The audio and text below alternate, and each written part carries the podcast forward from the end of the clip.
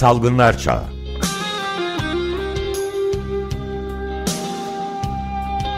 Pandemide Sağlık.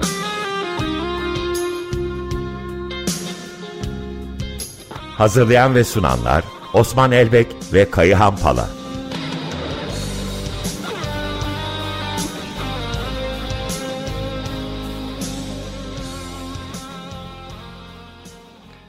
Günaydın Osman Bey, günaydın Kayan Bey. Günaydın. Günaydın. Günaydın. Evet, bugün ne konuşuyoruz? Ee, geçen hafta Açık Gazete tatilde olması dolayısıyla 14 günlük bir e, salgın epidemiolojisini gözden geçirebiliriz. Bize daha net veriler sunacaktır 14 günlük değerlendirme. E, dünyaya baktığımız zaman geçmişteki iki haftada, geçtiğimiz iki haftada e, vaka sayılarında bir azalma var. Bu hafta %9 gibi bir dünyada vaka sayısı azaldı. Ee, bunun tabii aşının etkisini göz ardı etmemek gerekiyor bu vaka sayılarının azalmasında. Ancak aynı olumlu haberi Türkiye için ne yazık ki veremiyoruz. Türkiye bu haftayı 26 binin üstünde günlük vaka sayısı geçtiğimiz haftaya göre ne de göre de yüzde 16'lık bir artışla ki geçtiğimiz haftayı da artışla geçirmişti.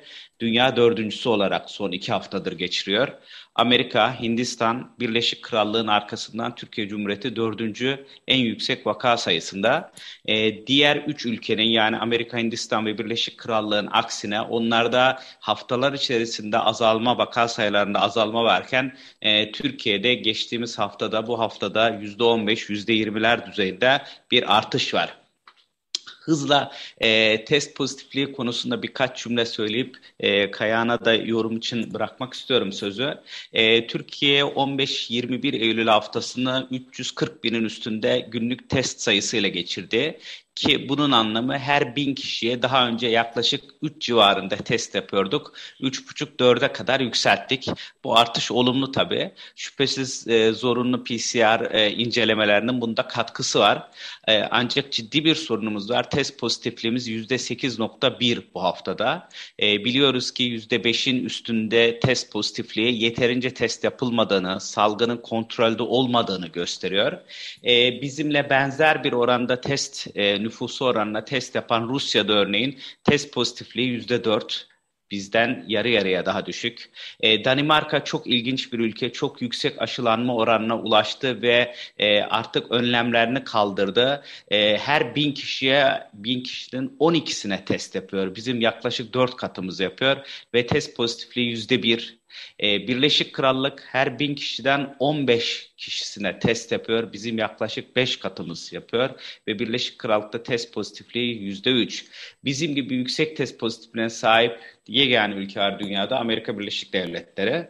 E, son veriyi de aşıya dair birkaç cümle söyleyeyim. E, iki doz koronavağın tam aşılı olmamasına rağmen e, bugün itibariyle onları saysak dahi toplumumuzu oranla yüzde 50'ye ulaştık. Ki o iki doz koronavakta üçüncü dozu olmayan kişi sayısını hala bilmiyoruz. E, eğitim e, alanı çok önemli. E, Çin geçtiğimiz haftada bir açıklama yaparak çocuklarda ve eğitim emekçilerinde aşılama oranının yüzde doksanı aştığını ifade etti. Amerika Birleşik Devletleri'nde eğitim e, çağındaki çocuklarda yüzde elliyi buldu. Bizde bu aşılama oranları çok çok uzak ve e, 1500'ü aşan öğrencimizde, 300'ü aşan öğretmenimizde PCR e, öğrencilerde veya hızlı test takipli olmamasına rağmen vaka var. Hızla dünyada salgını artan, e, kontrol altına alınamayan bir ülke pozisyondayız.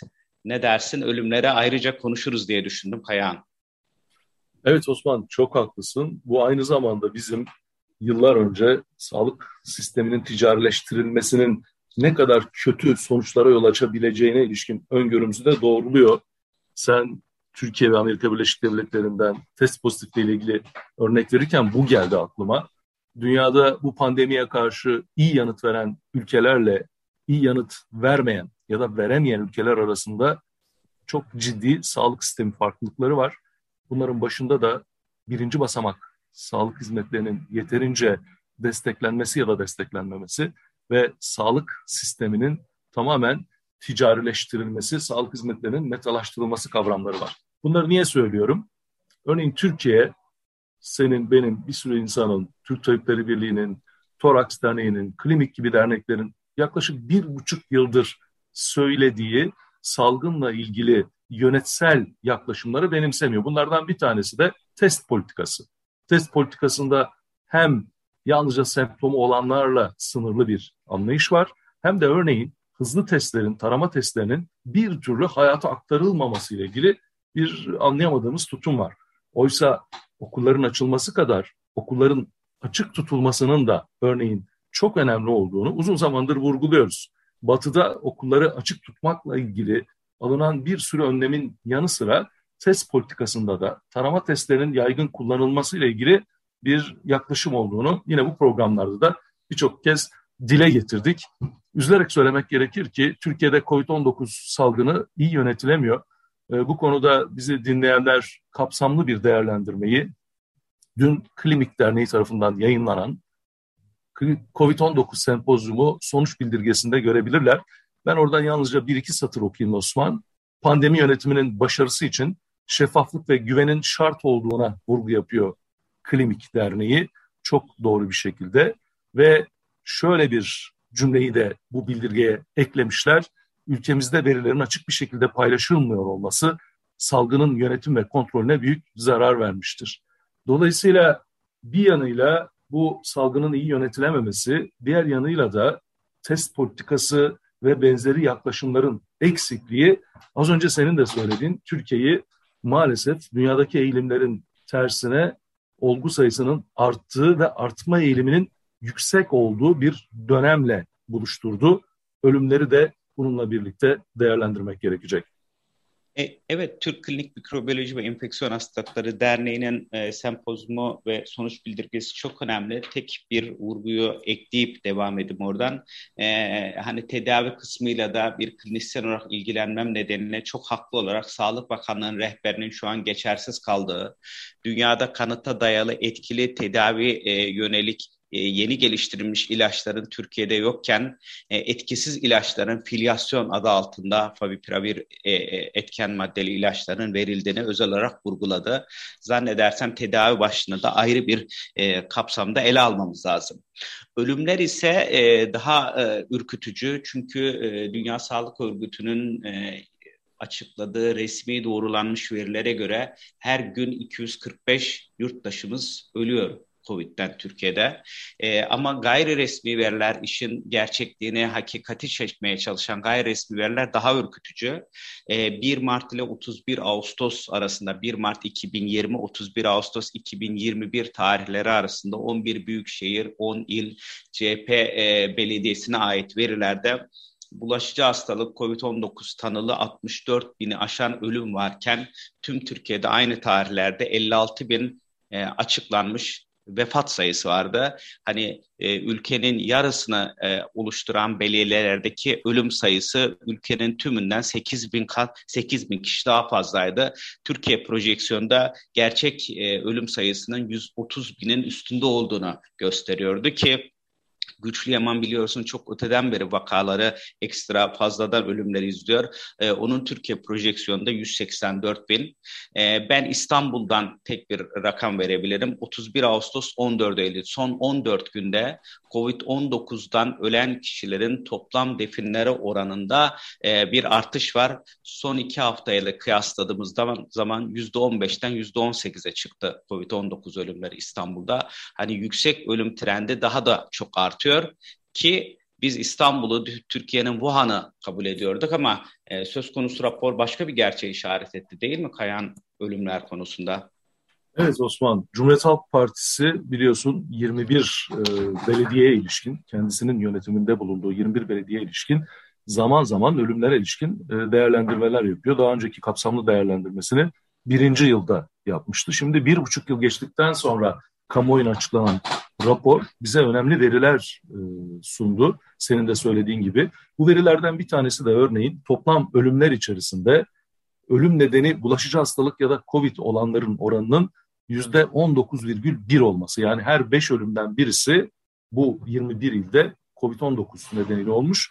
E, bulaşıcı hastalık diye geçiyor ama bir yani sen de ben de biliyoruz Türkiye'deki enfeksiyon hastalıkları uzmanları da biliyor. Şu anda COVID-19 dışında ölümlere yol açan ciddi bir bulaşıcı hastalık söz konusu değil. Bu açıdan rapor çok önemli. Yine senin vurgu yaptığın Türkiye'nin Wuhan'ı olan e, diye nitelenen Sağlık Bakanlığı tarafından İstanbul'un aslında bulaşıcı hastalık ölüm hızı söz konusu olduğunda bu bir buçuk yılda bu 21 yıl içerisinde dördüncü sırada olduğunu gösteriyor. Birinci sırada Tekirdağ var. Onu Bolu ve Kırşehir takip ediyor. Sonra İstanbul dördüncü sırada. İstanbul'dan sonra Hatay, İzmir, Adana diye devam ediyor. Bu raporun önemli özelliklerinden bir tanesi de uluslararası veri tabanlarında Türkiye'de 1 milyon kişi başına düşen ölüm hızının aslında ne kadar eksik olduğunu yansıtması.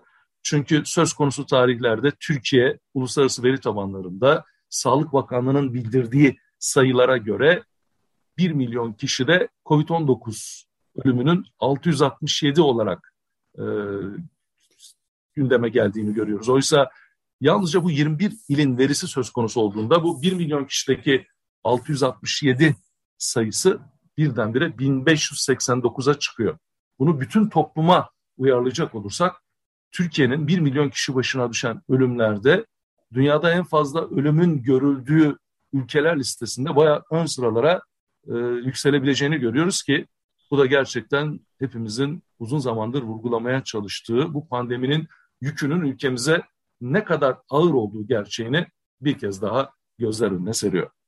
Zaten Kayan Türkiye dünyanın nüfus açısından 18. E, ülkesi olmasına rağmen mevcut resmi vefat sayılarımızda ne yazık ki dünyada 8. sıradayız e, bu eksik açıklamaya rağmen vaka sayısı ve ölümlerin yüksekliği Türkiye'de COVID-19 pandemisinin ne kadar yıkıcı olduğunu ve bu anlamıyla Klimiyen Sempozyum sonuç bildirgesine bir kere daha atıfta bulunarak aşı ve aşı kadar non farmakolojik önlemlere tekrar hayata geçirmenin ne kadar ihtiyaç içerisinde olduğumuzu gösteriyor.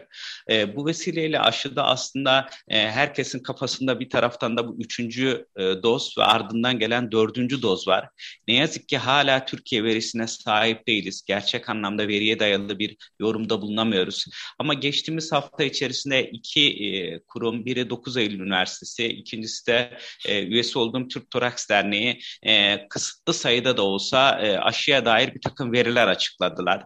E, bu veri veriler tabii e, Türkiye'ye projekte edilmesi, Türkiye'nin tümünü kapsaması açısından mümkün değil ama en azından bu verilere dayanarak e, hani pek çok kişinin bence haksızlık ettiği korona vak hani tırnak içerisinde çökmüş, hiçbir işe yaramamış, sıfırdan aşılamaya başlayalım cümlesinin doğru olmadığını ortaya koyuyor. Her aşının çok değerli olduğunu, aşıların birbirleriyle yarıştırılmaması gerektiğini, aşıya ulaşmanın ve özellikle e, gebeleri bu dönemde aşılamanın çok kritik olduğunu vurguluyor. E, okulları tekrar okul aşılanma politikasıyla bir kere daha gözden geçirmemiz gerektiğini vurguluyor. E, ama dördüncü doz konusunda nihai kararı verebilmek için Türkiye Cumhuriyeti'nin elinde bulunduğu verileri çok hızlı, ivedi olarak açması ve ona göre karar vermemiz gerektiğini gösteriyor bence. Sen ne dersin Kaya? Çok haklısın Osman. Bir kere hani toplumun e, bilmediği ama bilim insanlarının ve bu alanda eğitim almışların bildiği bağışıklık mekanizmaları var. Yani yalnızca aşıyı verdikten kısa bir süre sonra yapılmış araştırma sonuçlarıyla bu süreci değerlendiremeyiz. O yüzden aşıların etkinliğiyle toplumdan elde edilmiş verilere bağlı olarak etkililiği farklı kavramlar. Biz aşıların etkinliğiyle ilgili faz 3 sonrasında yapılmış çalışmalara dair verileri biliyoruz. Ama etkililikle ilgili Türkiye verilerini maalesef bilmiyoruz. Bu yüzden de hem iki Biontech olmuş olanlar için üçüncü aşıyı hem de iki Sinovac sonrasında bir Biontech olmuş olanlar için dördüncü aşıyı tartışmakta zorlanıyoruz. Şöyle bir şey düşün Osman. Dünyada örneği olmayan bir şey yaptık. İki tane Sinovac'ın üstüne çok yaygın bir şekilde bir Biontech uyguladık. E, o zaman dünyada örneği olmayan böyle bir şey için bu kadar yaygın uygulamanın sonrasında kamuoyuna veri açıklamamız lazım. Yani, ben de aslında tam bunu soracaktım. Çok iyi oldu şimdi sizin. Yani bunu açıklamadan doğal olarak ben de iki Sinovac üzerine bir Biontech yap, yapılmış olan yurttaşlardan birisiyim. Şimdi dördüncü aşı yaptırayım mı yaptırmayayım mı sorusuna yanıt verebilmek için elimizde toplum verilerinin olması gerekir. Bunlar olmaksızın bu aşıyı ol ya da olma demek doğru değil. Ama şöyle bir iki noktanın altını çizelim çok haklı bir şekilde. Ülkemizde aşılar konuşulurken son zamanlarda özellikle epidemiyoloji bilimi kavramından yoksun kişilerin değerlendirmeler üzerinden sanki Sinovac aşısı hiçbir işe yaramamış gibi bir algı yaratılmaya çalışıyor. Bu doğru bir yaklaşım değil. Gerçekten her aşı değerli. Sinovac'la BioNTech karşılaştırıldığı zaman BioNTech'in koruyuculuğunun daha yüksek olduğunu elimizdeki verilere dayalı olarak söyleyebiliriz. Bu önemli bir kavram. Bir başka mesele de şu. Türkiye ağırlıklı olarak üçüncü doz ve dördüncü dozu tartışmak yerine bugün halen tam aşılı olan nüfusunun halen düşük olduğu kavramını öncelikle tartışmalı. Yani Sağlık Bakanlığı tekrar haritayı değiştirip iki dozlu olanlar üzerinden bir renklendirme yaptı ama orada yine bilimle bağdaşmayan 18 yaş üstün nüfusa göre bir oran veriyor. Yani bakarsanız %70'e yaklaşıyor şu anda Türkiye'de iki yaşlı olanların oranı. Oysa Türkiye nüfusunu oranladığınızda ben az önce baktım henüz %51. Üstelik Osman'ın vurgu yaptığı iki Sinovac yapılmış olanların tam aşılı sayılmayabileceği yaklaşımından yola çıkarsak bunların sayısının da bir bilim kurulu üyesinin açıklamasına göre yaklaşık 6 milyon olduğu biliniyor. O zaman Türkiye'de tam aşılı diyebileceğimiz nüfusun oranı yüzde 44 civarında. E şimdi yüzde 44'lük bir tam aşılı nüfus oranını öncelikle tartışmayıp üçüncü doz ve dördüncü doz meselesine ağırlık verecek olursak ülkenin bu pandemiye karşı vereceği yanıtı yeterince güçlü bir şekilde tartışmamış oluruz. Bunu vurgulamak isterim. E, bu arada zaman kalırsa dünyadaki üçüncü doz önerilerinin arka planını da konuşabiliriz ya da gelecek haftaya bırakabiliriz. İstersen onu gelecek haftaya bırakalım çünkü üniversiteler açılıyor. Sen bir üniversitede de akademisyensin. Ee, benim görebildiğim kadarıyla e, Milli Eğitim Bakanlığı'ndan daha hazırlıksız bir yük yapısına e, sahibiz gibi duruyor. E, sınıfların kalabalıklığı, e, üniversitelerin yol haritasını hani ülkeye örnek olması gereken üniversitelerin yol haritasının pek çoğu tarafından yapılmamış ve çoğunun da öğretim üyelerine ihale ediliyor olmuş gibi bir tablo görüyorum dışarıdan.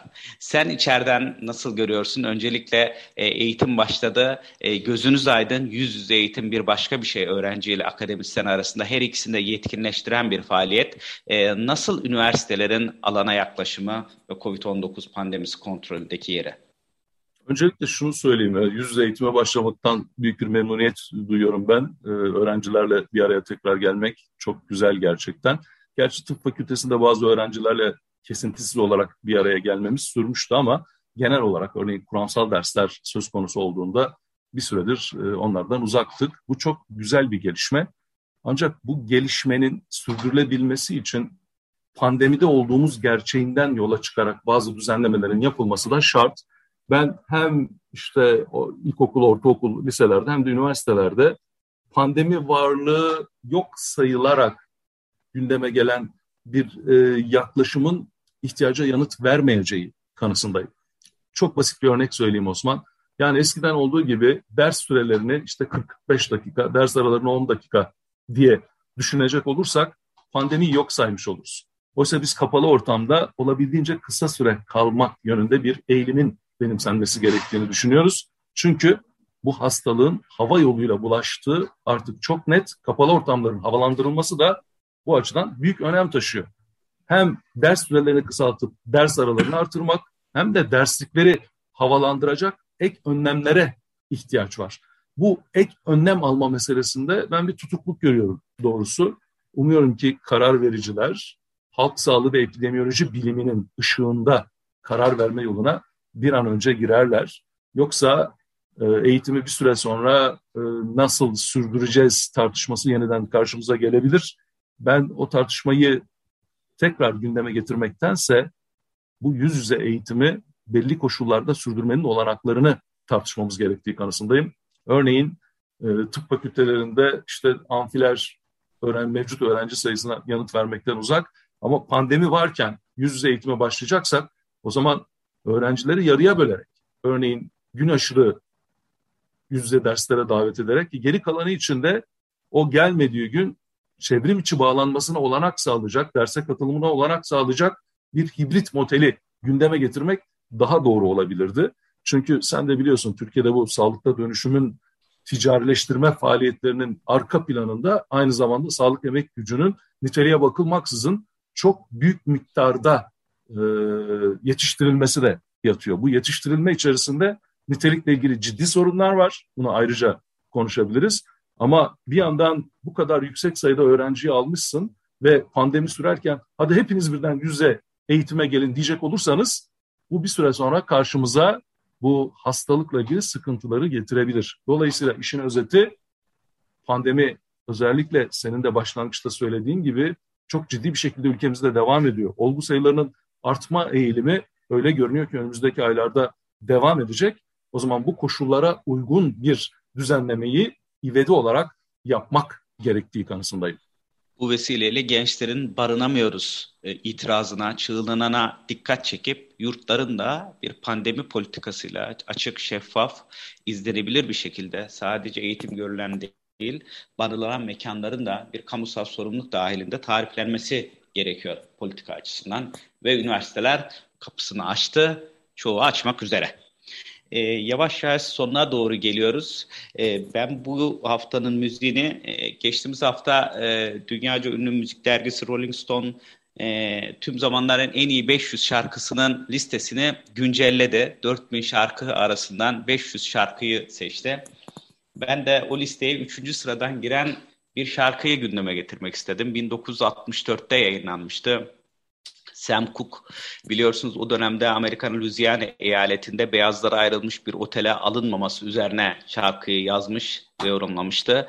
Şarkı o kadar önemli bir tarihte yeri tuttu ki e, sivil haklar hareketinin sembol şarkılarından biri haline geldi. Hatta yakın zamanda Obama e, seçim kampanyasında da bile kullanmıştı. E, daha sonra da Amerika Kongresi kültürel kültürel miras olarak şarkıyı kabul etmişti. E, bir değişim gelecek diyor. Evet, e, belki Türkiye'ye de uyar diye umut ediyorum. Uzun zamandır değişen, uzun zamandır gelen, geldiğini hissettiğimiz sürecin bir değişimin e, bu ülkede de geldiğini e, ve yakın bir zamanda her şeyi değiştirip e, daha iyi, daha sağlıklı, daha refah düzeyi yüksek ve demokratik kuralların işlediği bir ülkeye doğru ulaşma umuduyla e, Sam Cooke e, A Change is Gone Come diyor. E, iyi haftalar diliyorum. Bu arada aslında seçtiğiniz şarkı çok iyi denk geldi. Çünkü yarın küresel iklim grevi var ve Greta da tam olarak bu sözü söylüyordu hatırlarsanız. Siz isteseniz de istemeseniz de değişim geliyor diyordu.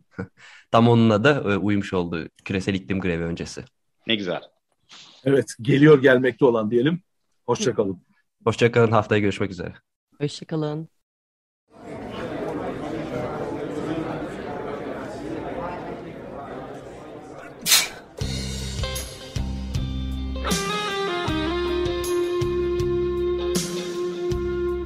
Salgınlar Çağı.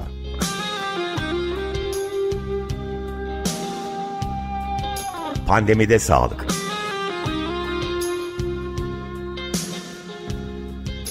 Hazırlayan ve sunanlar Osman Elbek ve Kayıhan Pala